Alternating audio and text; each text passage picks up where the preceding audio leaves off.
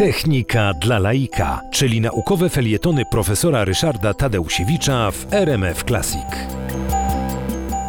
Mrówki są y, takimi owadami, które penetrują otoczenie, znajdują określone y, no, rzeczy, które nadają się być może do konsumpcji, mogłyby być wykorzystane w mrowisku, ale potem muszą powrócić do tego mrowiska, muszą znaleźć drogę powrotną, co wcale nie jest łatwe, dlatego że mrówka potrafi się zapędzić od tego swojego mrowiska od kilkudziesięciu do kilkuset nawet metrów, ponieważ to się dzieje na przykład w lesie, no wcale nie jest oczywiste w jaki sposób ona do tego mrowiska dotrze.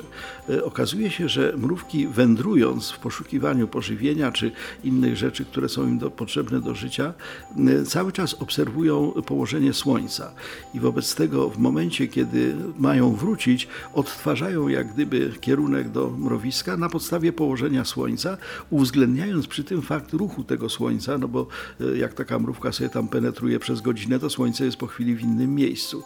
To było właściwie no, wręcz niewiarygodne, że one tak potrafią to robić sprawnie, e, dlatego że mrówka ma bardzo niewielki mózg, a właściwie dokładniej mówiąc ma trzy węzły nerwowe w odpowiednio trzech segmentach ciała. Akurat ten, który jest w głowie mrówki jest najmniejszy.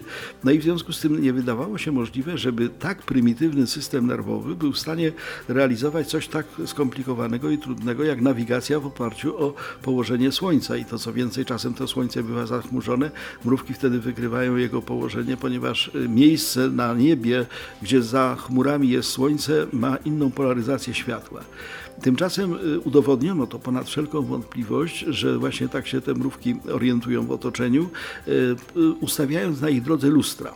To znaczy w momencie, kiedy, kiedy mrówka sobie gdzieś tam penetruje, y, lustrami mylimy ją co do tego, skąd pada słońce, prawda? Ona widzi odbicie słońca, a nie słońce jako takie i wracając też czasem widzi to odbicie. Rezultat jest taki, że oczywiście takie mrówki y, no, gubią się i, giną, y, natomiast faktem jest, że, że udowodniono, że mrówki potrafią realizować coś, co my nazywamy astronawigacją.